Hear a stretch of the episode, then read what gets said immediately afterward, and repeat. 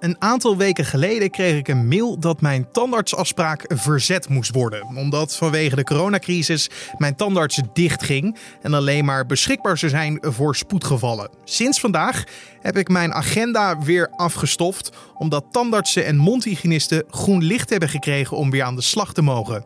Waarom ze weer hun normale zorg mogen oppakken en wat ze daarvoor moeten doen, dat hoor je in deze Dit wordt het nieuws podcast. Dus wat je als patiënt merkt is denk ik dat de wachtkamer een stuk leger is, dat er waarschijnlijk minder patiënten op een dag worden behandeld, uh, dat iedereen anderhalve meter van elkaar zit in de wachtkamer, dat je eventueel misschien op buiten moet, uh, moet wachten als het te, te vol is. En als je binnenkomt zullen we je handen gelijk desinfecteren. We bellen vandaag met twee tandartspraktijken. En je hoorde al tandarts Jan-Willem Vaartjes van de Kliniek voor Tandheelkunde in Utrecht. En daarnaast bellen we ook nog met tandarts Mezen van Pinksteren van Tandartspraktijk van Pinksteren uit Noord-Brabant. Zij zullen je uitleggen hoe ze omgaan met alle maatregelen. Maar eerst kijken we kort naar het belangrijkste nieuws van nu.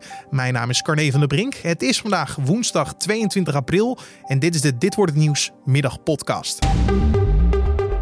Het Duitse biotechbedrijf BioNTech heeft toestemming gekregen van de Duitse overheid om te beginnen met het testen van een mogelijk vaccin voor het coronavirus op mensen.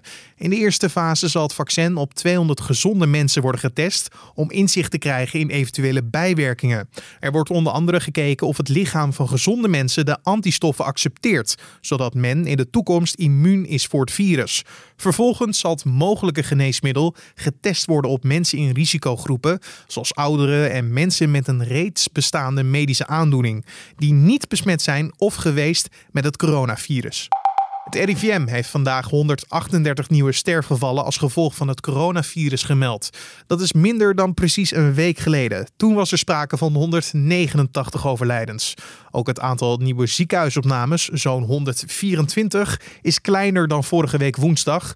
Toen telde het RIVM nog 188 nieuwe gevallen. Het totale aantal bevestigde doden door het coronavirus in Nederland staat nu op 4054. En verder zijn in totaal nu 10.021 patiënten in het ziekenhuis opgenomen of opgenomen geweest.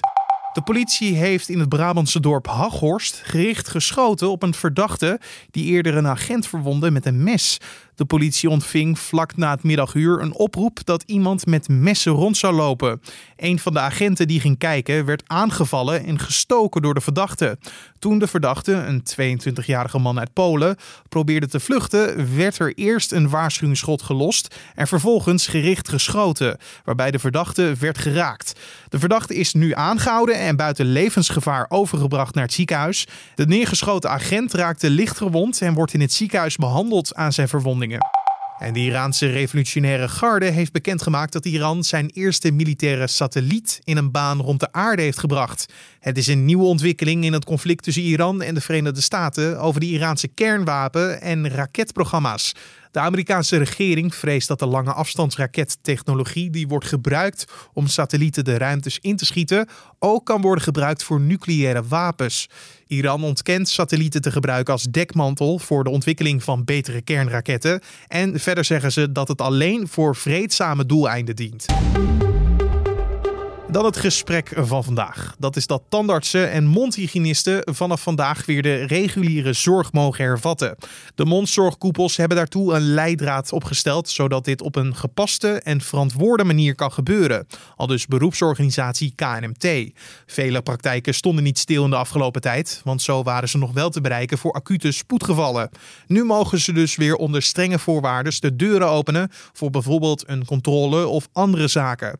Zo moet het personeel zich goed beschermen door een mondkapje en beschermende kleding te dragen. En patiënten moeten zoveel mogelijk alleen komen en zo kort mogelijk in de wachtruimte verblijven. Hoe is dat voor de praktijken zelf? Wat vinden ze van de maatregelen? En hoe maken ze alles zo veilig mogelijk voor zichzelf maar ook voor de patiënten. Ik belde als eerste met Jan-Willem Vaartjes, tandarts van de kliniek voor tandheelkunde in Utrecht. Nou, we hebben lang nagedacht hoe je verantwoorde uh, mondzorg kan bieden, zeg maar op een verantwoorde manier die ook veilig is.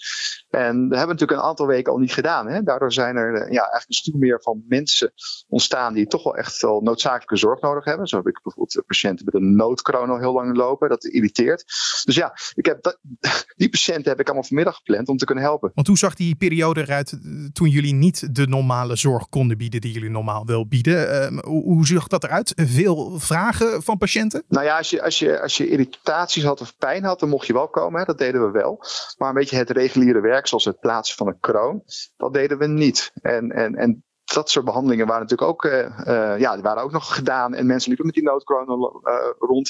Er zijn wat andere ongemakkelijke dingen die niet echt spoed waren, maar eigenlijk wel gedaan moeten worden. Ja, en, en die mensen die heb ik nu al gepland. En dan hoor je dat je vanaf vandaag weer aan de slag mag. Um, hoe was jullie reactie? Opgelucht? Mm, we hebben er hard aan gewerkt natuurlijk hè, als sector om, om, om daarover na te denken. We zijn namelijk ook zelf Uh, dat is misschien belangrijk te weten. We zijn zelf teruggeschaald. Hè. Dat heeft niet de overheid tegen ons gezegd. We hebben zelf een pas op de plaats uh, genomen om na te denken van hoe gaan we met deze coronatijd om? Hè? Hoe gaan we mondzorg leveren? En daar hebben we echt een aantal weken over nagedacht. En toen we daar zelf verantwoord uh, ja, mee uitkwamen met de richtlijn daarvoor, hebben we ook eigenlijk grotendeels zelf die beslissing kunnen nemen om weer meer te gaan doen. We bevinden ons nu in de anderhalf meter samenleving. Hoe, hoe ziet dat er precies uit voor jullie tandartspraktijk? Ja, nou die, die anderhalf meter samenleving hebben we natuurlijk ook moeten doorvoeren in de praktijk. Dus wat je als patiënt merkt is denk ik dat de wachtkamer een stuk leger is. Dat er waarschijnlijk minder patiënten op een dag worden behandeld. Uh, dat iedereen anderhalve meter van elkaar zit in de wachtkamer. Dat je eventueel misschien op buiten moet, uh, moet wachten als het te vol is. En als je binnenkomt zullen we je handen gelijk desinfecteren. En denk je dat dat genoeg is om de gezondheid van jullie, maar ook van de patiënten te waarborgen? Ja, zeker. We, hebben, we waren natuurlijk al heel goed op het gebied van infectiepreventie. Dus we hadden al heel veel liggen. We hadden eigenlijk 60 pagina's liggen. We hebben er een pagina of tien aan toegevoegd. En dat is samen met het RIVM gedaan. Dus dat geeft ook veel vertrouwen in dat we dat kunnen. Maar als we het nog even hebben over die anderhalf meter. Als standaards of mondhygiënist zit je natuurlijk dicht op de patiënt. Je kijkt vol de mond in, zo gezegd. Ben je dan niet heel erg bezig met de risico's die dat met zich meebrengt? Daar hadden we natuurlijk die bescherming uh, voor inderdaad. Maar heel belangrijk is wel om te beseffen. We willen geen verkoude mensen. Geen mensen met corona-achtige klachten. Die mogen absoluut niet naar de tandartspraktijk. Hè. Dus daar haal je al heel veel risico bij weg. En en als je dan toch bent, dan hebben we al die, ja, al die middelen, die goede afzuigers, die, die mondkapjes, onze, onze spullen om te desinfecteren, dat al op een hoog niveau was. En dan even naar de patiënten. Uh, ik neem aan dat jullie veel contact met ze hebben en houden. Uh, hoe was hun reactie dat, dat, dat de zorg weer doorgaat vanuit jullie? Nou, we zijn dus nu heel veel mensen aan het bellen, zoals je begrijpt. Hè? En nou, ik zeg, de mensen die vandaag bij mij in mijn schema staan, die zijn echt heel blij. Want die hadden natuurlijk wel uh, ja, zorg die nodig was en ook een beetje urgent was. Dus die zijn er super blij. En we bellen nu volgende week. En ik moet zeggen dat, de, dat bijna alle reacties uh, positief zijn. Het is natuurlijk wel een wat leger schema dan, uh, dan normaal. Maar degene die we willen zien, die zeggen bijna allemaal ja, gelukkig. Want houden jullie of hebben jullie rekening gehouden met een beeld dat patiënten voorzichtiger zijn? Of dat ze misschien dingen gaan uitstellen qua afspraken? Dat ze ja, toch nog even pas op de plaats nemen? Nou, dat sowieso. Als er geen, toen het RIVM nog zei of de, of de overheid zei van ja, de, de, de tandartspraktijken zijn dicht eigenlijk. Ja, toen, toen hebben we ook bijna niemand gezien. Dat is ook logisch ook. En, en eigenlijk het groene licht van Rutte gisteren, het helpt natuurlijk in het verhaal. En onze eigen leidraad die we gemaakt hebben, hoe je dat kan doen, helpt heel erg in in, daarin. En het is ook een, uh, het is ook een individuele keuze van een patiënt. Als jij, als jij heel oud bent en je bent, hebt hele zwakke gezondheid, ja, dan zullen we je ook minder snel oproepen. Dus het is ook de, de keuze in de, in de patiënt en ook van de keuze van de patiënt zelf of je komt. Daar wordt ook nog een afweging in gemaakt. Concludeer het vanuit jullie. Fijn dat jullie weer aan de slag kunnen met mensen hun gebit. En um, ja, de maatregelen moeten in acht gehouden worden en uh, iedereen moet zijn eigen afwegingen maken? Nou, het is altijd een afweging. En als je zelf heel erg in de risicocategorie zit van corona, dan kan je beter binnen blijven. Nou ja, dan geldt het ook van, is een, is een controle belangrijk? Maar heb je misschien niet, kan je best wel uitstellen. Maar heb je echt last van je tanden verkiezen of is er een gaatje? Nou, zeggen dan lijkt me misschien wel verstandig om te komen. Hè. Je zal het elke keer moeten, moeten afwegen tussen de winst en de eventuele risico's. Maar aan zich, hoe wij werken zeg maar, met die afstand, kan je veilig naar de tandartspraktijk toe. Dus uh, het hoeft geen reden te zijn om niet te komen. Dat was tandarts Jan-Willem Vaartjes van de Kliniek voor Tandheelkunde in Utrecht. Maar hoe is dat voor een tandartspraktijk in een regio die heel hard getroffen is door het coronavirus? Daarover sprak ik met tandarts Emezen van Pinksteren van tandartspraktijk van Pinksteren, die twee vestigingen hebben in Noord-Brabant. Nou ja, wij vonden het fijn dat we natuurlijk nu met de nieuwe maatregelen die er zijn uh, wel weer open kunnen, zodat wij de zorg voor onze patiënten weer kunnen hervatten. En uh, ja, wij zijn er nu dus uh, aan het klaarmaken zodat wij ook weer veilige zorg kunnen gaan bieden. Ik wil heel even terug naar het begin, het moment dat jullie het werk neerlegden. Hoe zag dat eruit? Jullie waren nog wel bij bereikbaar voor spoedgevallen? Ja, wij hebben alleen spoedgevallen gezien, ook van onze eigen patiëntenpopulatie, maar ook van de tandartsenkring. ons en omgeving hebben wij ook een weekend spoedgevallendienst en avonddienst gehad. Ja, en kregen jullie toen echt heel veel mensen aan de telefoon of langs die de pijn niet meer konden verdragen of echt tegen iets aan zaten te hikken? Of zag het er echt anders uit? Ja, dat was vooral mensen met ernstige pijnklachten. Uh, maar ja, er zitten ook mensen bij die uh, ja, bijvoorbeeld uh, een bloeding hebben gehad of iets dergelijks. Of, um, of een kroon los dat soort zaken hebben we ook laten, um, laten zien. Jullie zitten in Noord-Brabant, een gebied wat echt extreem heftig is getroffen door, door ja. het coronavirus. Wat merkten jullie daar als tandartsen van? Ja, nou, we merkten met name in de weken dat we nog uh, regulier open waren, dat ja, er toch wat angst uh, heerst. Uh, dat ja, mensen wat van met name wat hogere leeftijd zeggen, nou, ik wil eigenlijk gewoon nu niet komen. Dus dat, ja, dat begrepen wij natuurlijk ook volkomen. ook mensen met ja, algehele ziekten die, die het gewoon te spannend vonden om naar de praktijk te komen. waardoor wij met name in de laatste weken dat wij regulier open waren ook al ja, wat rustiger hadden. En nu is het met name zo dat we veel mensen aan de lijn hebben gehad die zeggen van ik wil graag mijn afspraak uitstellen. Want ja, ik heb zelf bijvoorbeeld iets waardoor ik het heel eng vind als ik het zou krijgen. Of, of mijn partner of mijn, uh, mijn huisgenoot heeft dat, waardoor ik niet, niet wil komen. En die angst waar je het over had, die is nog niet weg? Nee, hij is nog niet weg. Nee, nog zeker niet. En dan heb ik het zeker over de, ja, de toch de wat oudere patiënten die, ja, zij mogen ook hun, hun, hun kinderen, kleinkinderen niet altijd zien. En zij zeggen ook van ja, ik wil ook gewoon niet naar de tandarts. Ik vind dat gewoon een te groot risico. En als ik het nu krijg, dan, ja, dan, dan gaat het misschien voor mij slecht aflopen. En dat, dat wil ik gewoon uh, voorkomen. Mm -hmm. Die verhalen horen jullie. Uh, ja. Kunnen jullie ze begrijpen? Of denken jullie van jongens, we, we, doen er alles aan om, om de beste zorg te bieden? Allebei allebei. We, we, begrijpen natuurlijk volkomen. En zeker als het natuurlijk uh, een controle betreft of een niet uh, spoedeisende behandeling. Dan is het natuurlijk heel logisch om te zeggen, nou we stellen dit uit. En daar zijn wij ook zeker bereid om met de, met de patiënten mee te denken om een, om een nieuwe afspraak te plannen. Dat is voor ons geen enkel probleem. Nee, want je wil natuurlijk ook mensen niet verplichten. Want het is al zo'n ingewikkelde en, en, zware tijd. Nee, helemaal niet. Nee, absoluut niet. Want het gaat nu om de, wat de patiënt wil. En, en ja, er zijn natuurlijk, tandheelkunde is heel belangrijk en goede mondzorg is natuurlijk hartstikke belangrijk. Maar op dit moment is natuurlijk de algehele gezondheid nog veel belangrijker. En als we die riskeren en als patiënten voelen dat ze die moeten riskeren dan, en dat niet willen, dat begrijpen wij natuurlijk volkomen, ja. ja. Zijn jullie eigenlijk bang dat heel veel mensen nu uh, na milde klachten hebben of nog geen klachten, maar die zich wel ontwikkelen en dat, dat ze doordat iedereen het misschien aan het uitstellen is of een grote groep, dat je straks heel veel klachten gaat krijgen van mensen? Um, nou, we, merken wel dat mensen die toch klachten hebben uh, van de tanden, dat die toch wel contact opnemen met ons. Ja.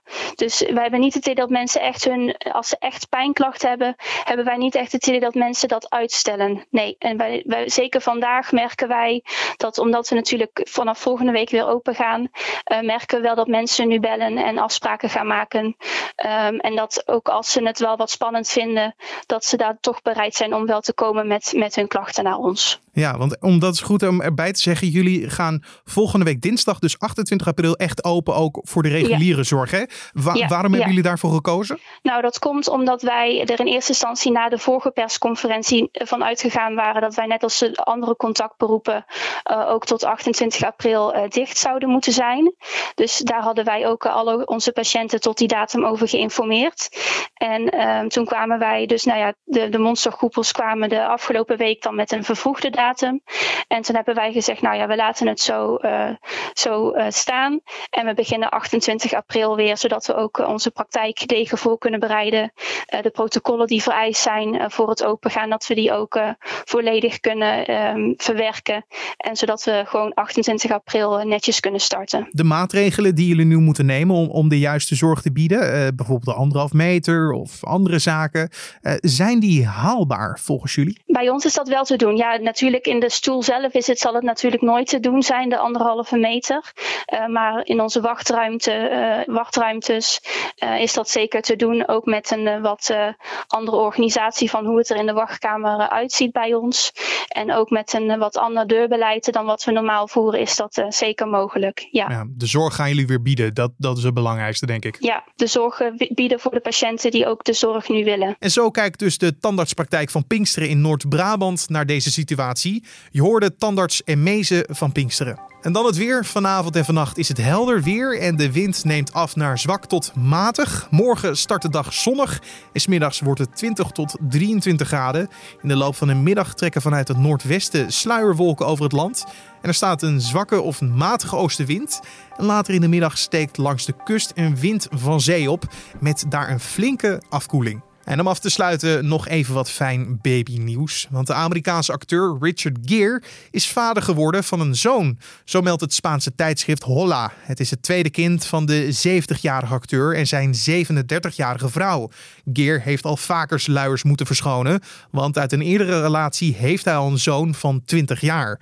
Dus de acteur die je misschien kan kennen van films zoals Pretty Woman of Chicago zit momenteel op een blauwe wolk. En dit was dan de Dit het nieuws podcast voor deze woensdagmiddag 22 april. In de ochtend en in de middag kan je deze podcast vinden op de voorpagina van nu.nl en in je favoriete podcast app, zoals een Spotify of een Apple podcast. Laat ons weten wat je van deze podcast vindt, de ochtendeditie of de middageditie. Dat kan je doen via mailtje naar podcast.nu.nl of een recensie via Apple Podcast. Mijn naam is Carne van der Brink. Bedankt voor het luisteren en tot de volgende.